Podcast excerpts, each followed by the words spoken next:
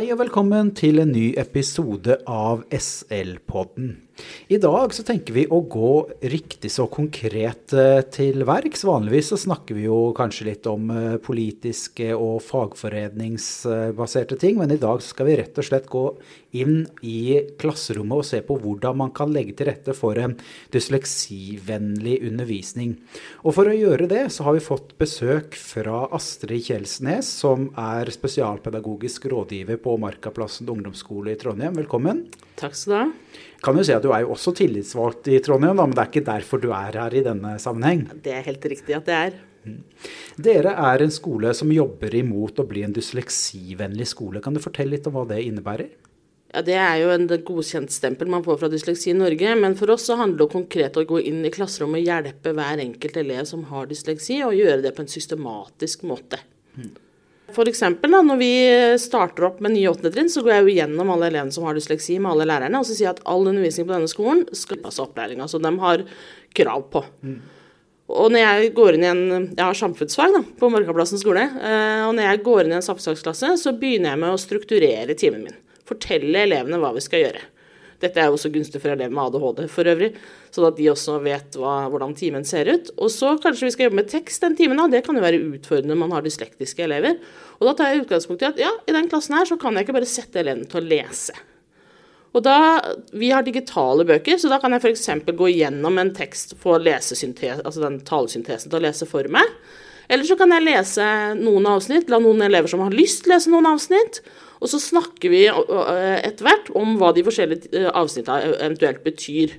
Har man en fysisk bok, så er det jo enda bedre, for den har jo ofte brekt opp tekst allerede for deg. Sånn at du kan lese f.eks. alle de her boksene som I, i vår lærebok så var de grønne. Rød, blå, ja, de har forskjellige farger. Lese dem og så spørre elevene hvorfor, hvorfor er det sånne bokser med informasjon. Hva betyr det? Hvorfor er det relevant? Altså ha de her type diskusjoner, dialogundervisning med elevene. Eh, og før jeg øver dem på denne type dialogundervisning, så pleier jeg ofte å si at du skal summe med læringspartneren. Og så snakke ett minutt med læringspartneren om det spørsmålet jeg har stilt, og så tar vi det i fellesskap, så alle har mulighet til å svare. Og man får den tryggheten på at det er noen andre som har hørt svaret ditt først, så altså ikke det bare blir de elevene som allerede er trygge på skolen, som svarer. Mm. Nå har du allerede gått litt inn på hva du gjør, men jeg tenkte at i, i den eh, episoden her så snakker vi litt om helt konkrete ting som man kan gjøre i klasserommet, og litt hvordan man også kan se på vurdering som er eh, dysleksivennlig. Eh, og hvis vi starter da i klasserommet, helt konkret, nå har du nevnt litt, men, men helt konkret, hva gjør du for å legge til rette for en dysleksivennlig undervisning, Astrid? Du, Hvis jeg f.eks. skal begynne med den franske revolusjonen, nå holder vi på med det, da kan jeg ta opp det her berømte maleriet som alle ser for seg, eh, som man sikkert har sett i mange lærebøker, og bare ha det på presentasjonen min. Ikke noe tekst. Og så kan jeg spørre elevene hva ser dere på dette bildet? Og det kan alle elever svare på. Det, uansett hvilken uh, sosioøkonomisk bakgrunn man har, så kan alle svare på hva man ser på et bilde. Og da kommer det kanskje Å, det ligger en mann foran deg. Den dama er nesten naken. Uh, der er det franske flagget, er det kanskje noen som ser. Og så er det noen som ser et gevær. Og så er det sånn Når vi har tatt fram alle de tingene vi ser på bildet, så er det sånn Ja, hvorfor tror dere jeg har valgt det bildet her, da? Og da kan man jo ta begrepene som elevene har i hverdagsspråket sitt, og komme over i et fagbegrep og begynne å snakke om den franske revolusjonen. Hvorfor skjer den franske revolusjonen? Eh, og da har man kobla på elevene. Og dette er jo ikke gunstig bare for dyslektikerne, men også for andre elever. For det som er vanskelig for dysleksi, elever med dysleksi, er jo å lese tekst mens noen prater, f.eks. Eller det kan være vanskelig. da.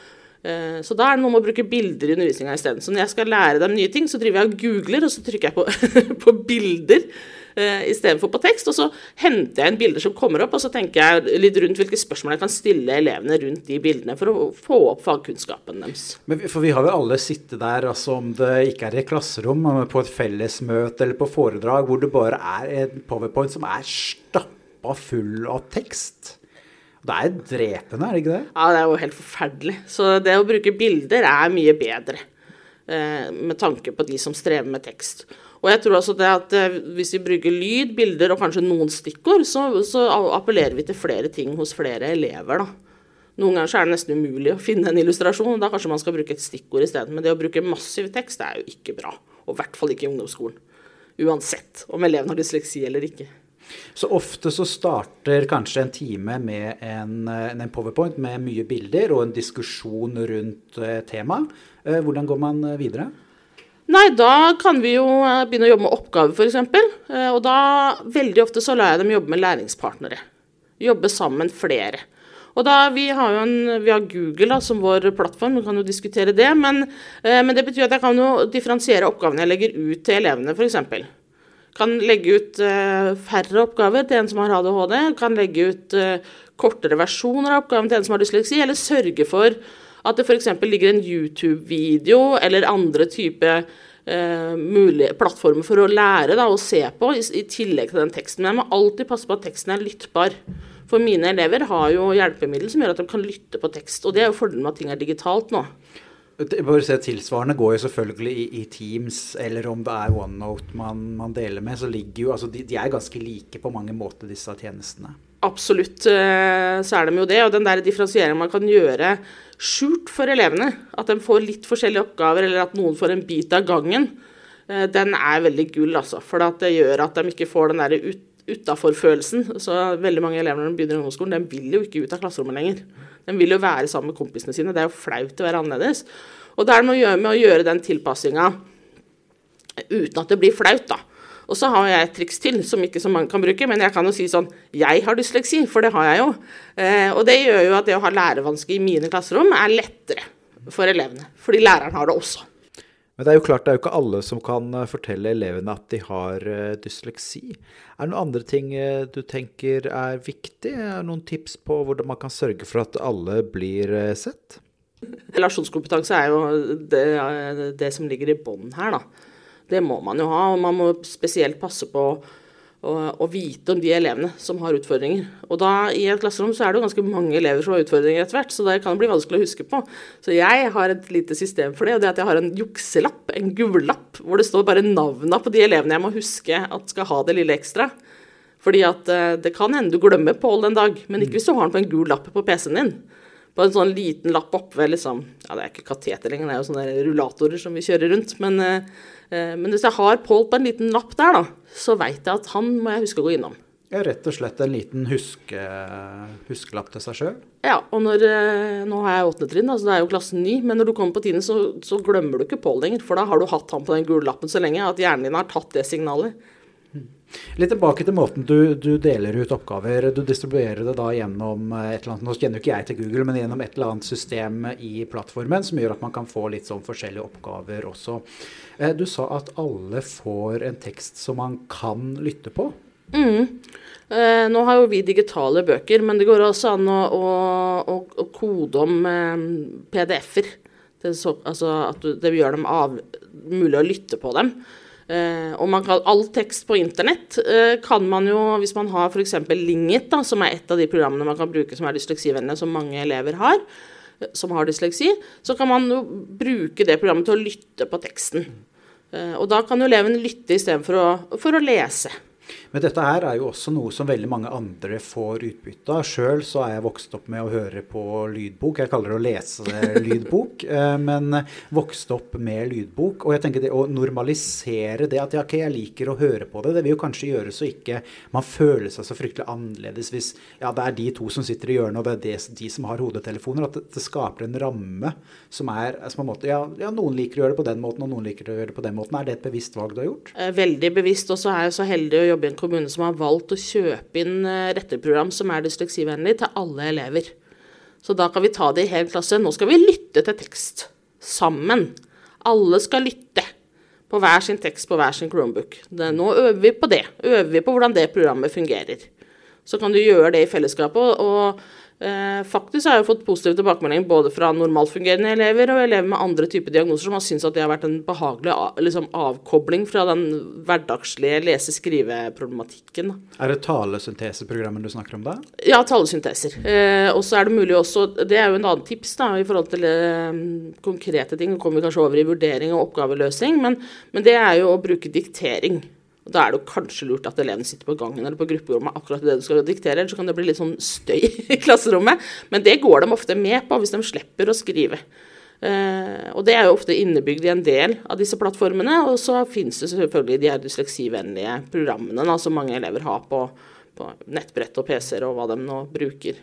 Og, og, det måte, og, det for en lærer å kjenne til det er utrolig viktig. Altså jeg merker den aha-opplevelsen jeg så når vi, vi, som sagt hadde Microsoft som plattform, og så alle de tinga som egentlig ligger der, med engasjerende leser, med eh, diktat, med Altså mulighetene ligger der. Og veldig mange andre enn de som eh, hadde dysleksi, som brukte dem, og som virka som at ja, det ga dem utbytte, da. Ja, for det er jo ironisk. Når man eh, prøver å tilrettelegge for dysleksivennlig undervisning, så er det ofte sånn at de flinkeste elevene har jo best utnytta også av det.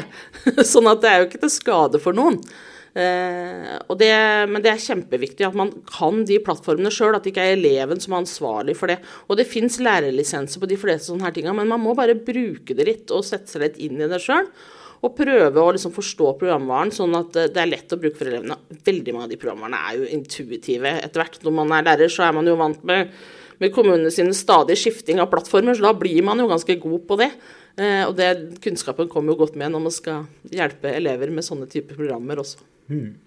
Ok, så da har vi starta timen. Vi har hatt en innledning med masse bilder. Vi har hatt oppgaver som er lagt ut på en sånn måte at man kan eh, også høre på dem, eller ja, kanskje ikke lese, da, med, hvis, man, hvis, man, velger å høre. Hva er da neste steg i timen? Nei, jeg kan jo tenke seg at vi skulle ha vurdering da, om den franske revolusjonen. Sant? Elevene skal legge fram noe som jeg kan bruke til vurdering når de skal ha karakter til jul. Eh, og da er jo fagsamtale, gruppearbeid, eh, det å podkast, eh, framføring med en presentasjon altså Det finnes utrolig mange muligheter, særlig i samfunnsfag, som er et muntlig fag. og det er også det vektlegger vi på vår skole, at alle de muntlige fagene skal ha muntlig vurdering for de aller fleste elever. Så kan du innvende at det er noen elever som er bedre på å skrive, og som er sjenerte og ikke trives med det muntlige. Ja, men da kan jo dem skrive en tekst, da. Så får man jo retta den teksten skikkelig godt. Og så blir det også variert for deg som lærer. Når du har, eh, og det jeg også gjør når den blir litt større enn 8. klasse, når de har gått igjennom noen av de her Da tar jeg jo alle vurderingsformene jeg har da tar vi én med podkast, én med fagsamtale, én med en kort tekst. Alle de her tingene, Så de skal kjenne på litt forskjellige metoder. Så får de etter hvert på Nindre lov å velge. Og Det betyr at i en klasse så får jeg kanskje ti fagsamtaler, tre podkaster, så og så mange tekster. Og da blir også vurderingsarbeidet litt mindre kjedelig for ja. meg som lærer. For, for, det er noe med det at når du får eh, tekster, og alt er helt likt, og man skriver opp altså, Å få det inn som en lærer, og det må jo være veldig deilig å få en variasjon, da utrolig behagelig. Og det gjør også at man kan gi ulike typer tilbakemeldinger. Da, sant? Sånn til elever som liker å skrive, så jobber jeg jo med tekststruktur også som samfunnsfagslærer. Så det, ja. Men, men, er det er det vanskeligere å, når, når, det som kommer inn er såpass forskjellig, føler du det er vanskeligere å vurdere det rettferdig eller på samme grunnlag? Nei, jeg syns egentlig ikke det. Eh, men jeg er ikke så glad i de vurderingskriteriene til UDI, så jeg lager jo ofte mine egne som er, som er, mer konkrete på hva som skal være med av innhold for å få de ulike karakterene. Da. Og så gir jo jeg framovermelding og har mappevurdering, så elevene får jo til slutt lov å velge det arbeidet de er mest fornøyd med, og gjøre det på nytt. Og fikse og rette på det. Og da kan jo for en dyslektisk elev så kan det jo være fagsamtale på slutten av året uten noe sånn nevneverdig forberedelse, men at vi da snakker om det vi har gjort det året. Og veldig mange av dyslektiske elevene har jo gode strategier for å huske. For det er jo den måten de får med seg fag på. Og da får de ofte, da kan de huske ting som vi snakka om i august, som andre elever glemmer, fordi at de er mye mer fokusert på her og nå. Mens dyslektiske elever eh, har kanskje lært opp den der huskeevnen godt, da. Mm. Jeg må bare, I og med at vi er i en podkast, altså bare slå et slag for podkast også som, som, vurderingsform, og hvor utrolig enkelt det er, om det er Teams man bruker eller andre ting. For, altså Før så har det vært vanskelig ja, jeg kan ikke møte den eleven der og der, og det er vanskelig å organisere at sånt gjøres f.eks. hjemme. Men nå er jo det egentlig ganske enkelt. Da. Man kan opprette et møte, og så spiller man det inn, og så henter man ut en lydfil, og så er det gjort. Ja, de kan jo bare ta opp på telefonen sin og så sende en lydfil til meg. Mm. Det eneste Google strever med, er jo Apple, men det, det løser vi også. De fleste strever vel med Apple, altså sånn. men, eh, men, eh, men, det løser seg, sant. Altså, du spiller en lydfil, det går kjempefint. Det er ikke noe problem. Eh, lage videoer har elever også gjort til meg. Det er også en mulighet. Sant? At du viser presentasjonen din i en video. Eller at du, man mer, går mer kreativt til verks, f.eks. har tegna, og så forteller man. Og da utfordrer man jo elevenes kreativitet også, til å få lov til å uttrykke seg litt sånn som dem syns de er best. da. Mm. Det du egentlig på en måte snakker litt om, da, du snakker jo om at det skal være tilpa altså universal tilpasning, som om alle elevene i klassen hadde dysleksi. Men, men du, det er jo også en sånn en tanke da, at det her er ikke spesialpedagogens oppgave, dette her er alle lærernes oppgave. Det jobber vi veldig hardt med på min skole. Det er tilpassa opplæringsbegrepet. Og vi faglærer har ansvar for alle elevene og det faglige innholdet til alle elevene, uansett hvem som er tolærer, eller om det er en barne- eller eh, sånn som følger med inn i klasserommet, så er det faglærer som har det faglige ansvaret for eleven, og som skal sørge for at eleven får en oppgave som eleven får til. Og så, Dette er jo grunnen til at jeg sjøl ikke gir lekser, for det hender jo at man bommer på den oppgaven man hadde tenkt var genial for den eleven, og så viser det seg at det går helt i ball. Ja, Men da retter du opp det der og da. Fikser du, og så bare si til eleven vent litt, så skal jeg tenke to sekunder. Ja, vi gjør det sånn her. Og da stoler elevene på at du vil dem vel. Ja, grunnen til at jeg har kutta ut lekser, er jo for at det er håpløst å sende hjem altså Dysleksi er så utrolig arvende. Så sender jeg hjem liksom tekstoppgaver til foreldre som også strever med lesing og skriving veldig utfordrende. Altså. Og så viser det seg at elevene får bedre karakterer når de har, eh, på eksamen når de eh, har fått hjelp av en fagperson. Bare skyte inn én ting der. for det er sånn at vi, vi, håper vi kan komme tilbake og snakke litt mer om dysleksi og kanskje litt om tidlig innsats og hva som kan gjøres på barneskolen. Men, men eh, i, i, forbindelse med å gjøre litt research til denne podkasten, så hørte jeg jo selvfølgelig på en annen podkast. Eh, og, og, der var det en som jobba for Dysleksi Norge, som har skrevet håndbok i eh, håndbok for lærere om dysleksi, som sier at det første man burde gjøre, det er jo å spørre foresatte om om de har dysleksi eller lese- og skrivevansker. For om det var det 50 da, eh, av, av, barna til de som har det, eh, vil ha det. Altså det er, liksom, er noe som alle skoler burde gjøre, men som de i stor grad ikke gjør. Ja, eh, på min skole så screener vi også elevene. Jeg har fått tak i et ganske moderne screeningprogram som gjør at vi screener alle åttendeklassingene. Og da kommer det jo fram, eh, kanskje foreldre er på min alder da, og ikke har blitt testa fordi det var ingen som tenkte på det på, på 80-tallet og 90-tallet. Eh, og da kommer det jo fram at nei, eh, far han har vel aldri vært noe særlig god til å lese, han heller. sant? Eller bestefar eller tante eller ja.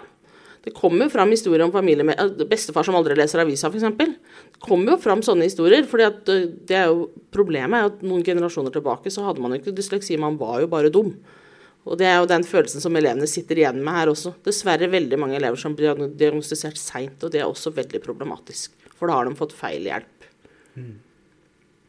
Ja, nei, men Det er klart at det er mye, mye å tenke på der. og er, altså, Jo, jo, jo seinere man kommer i gang, jo, jo verre må det jo være med den selvfølelsen som kanskje har bygd seg nedover. da.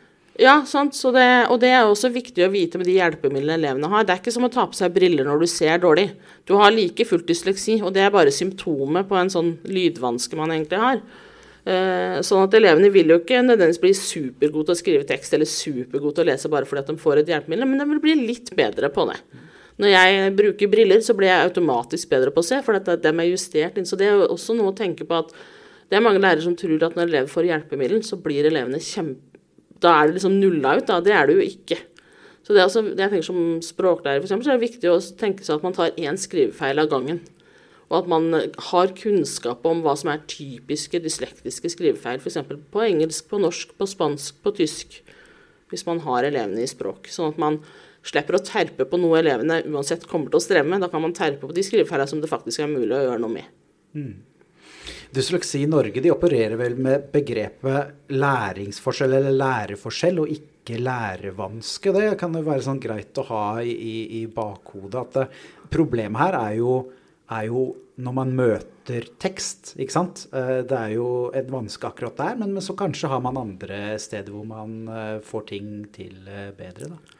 Ja, og vi må jo huske at dyslektikere er jo like forskjellige som resten av oss. Noen syns det er vanskelig å lese. Noen, eh, sånn som undertegnede, syns at det der med skrivinga er mest herk. Eh, og da er det jo også viktig å huske på all de her forskninga på om å skrive for hånd. Det, det må vi ikke gjøre.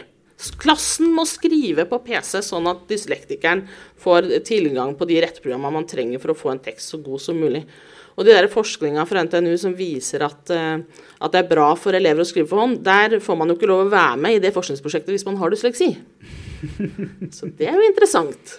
Ja, Det kan man jo også kanskje komme litt tilbake til. Man må bare si at Jeg skriver nå notatene mine med, med blyant. Det er basert på forskning som da tydeligvis har uh, Det funker sikkert for deg da, som ikke har dysleksi, men jeg ville aldri gjort det. Jeg skriver med blyant, jeg òg, men, men, jeg tar ofte notater på telefonen min, fordi at da blir det retta opp alle de her små skrivefeilene mine. Som jeg har hele tida. Mm. Og, og, det vil du jo møte. Altså, du, du vil jo møte en, en, hverdag hvor du har de hjelpemidlene. Du skriver jo i Word på jobben antagelig, eller du kan bruke det. Så, så hvorfor ikke lære å bruke de verktøya når man er i skolen? Det må jo være en selvfølge. Ja, jeg tror det er kjempeviktig. Og det, jeg tror at det gjør noe med evnen til å kompensere. Men det tar tid, da. Altså, når jeg gikk på skolen, så måtte jeg jo slå opp i ordboka hvert enkelt ord. Nå kan jeg bare, hvis ikke jeg helt husker hvordan et ord blir skrevet, og ikke rettprogrammet tar det, så kan jeg jo google det. Så retter jo Google opp for meg. Det er jo helt fantastisk. Eh, vi må snart eh, gå inn eh, for landing, Astrid. Men hvis det er, noe, hvis, hvis det er noen som hører på da, som tenker at ja, OK, jeg har har kanskje blitt litt inspirert og har lyst til å prøve noe av det. Er det noen, noen, noen steder, noen bøker, et eller annet, noen anbefalinger du har som de kan sjekke ut for å på en måte ta ett steg til? Jeg tenker jo at man skal være i god dialog med, med, sine elever med dysleksi og høre hva som hjelper for dem. Hvilke ting dem syns hjelper for seg. Og så anbefaler jeg Dysleksi i Norge. Eh, og eh, både Litterate, eh, som er et screeningprogram, Logos, som er et, et, program hvor man kan avdekke om elever har dysleksi, og Lingit, som, dette er jo sånne kommersielle programmer, de har masse tips. Så det er masse å finne der ute. Men Dysleksi Norge er jo interesseorganisasjonen, og de har veldig, veldig mye spennende informasjon. Mm. Tusen takk. Og så håper jeg jo da at folk der ute tenker at Eh, det å legge til rette for elever med dysleksi, og for så vidt andre, andre, utfordringer også, det er ikke noe som på en måte bare skal, spesialpedagogen skal ta seg av, men det er noe som er viktig at man gjør. Og det kan også være at hele klassen får, får en eh, fordel ut av det. Ja, jeg pleier å si at det er å følge opplæringsloven. Alle har krav på tilpassa opplæring, og da må vi tilpasse oss som lærere og sørge for at vi får til det på en universell måte. Ja. Og jeg tror vi lar det bli siste ordet. Tusen hjertelig takk, Astrid. Takk skal du ha. Og takk til alle som har hørt på dagens episode. Husk at dere kan subscribe, som det heter på godt norsk, på SL-podden. Da får du en eh, melding hver gang det har kommet en ny episode. Og så tar vi jo gjerne imot eh, innspill på temaer, gjerne ris og gjerne ros. Det kan du i så fall sende til akk at skolenes.no. Takk for i dag.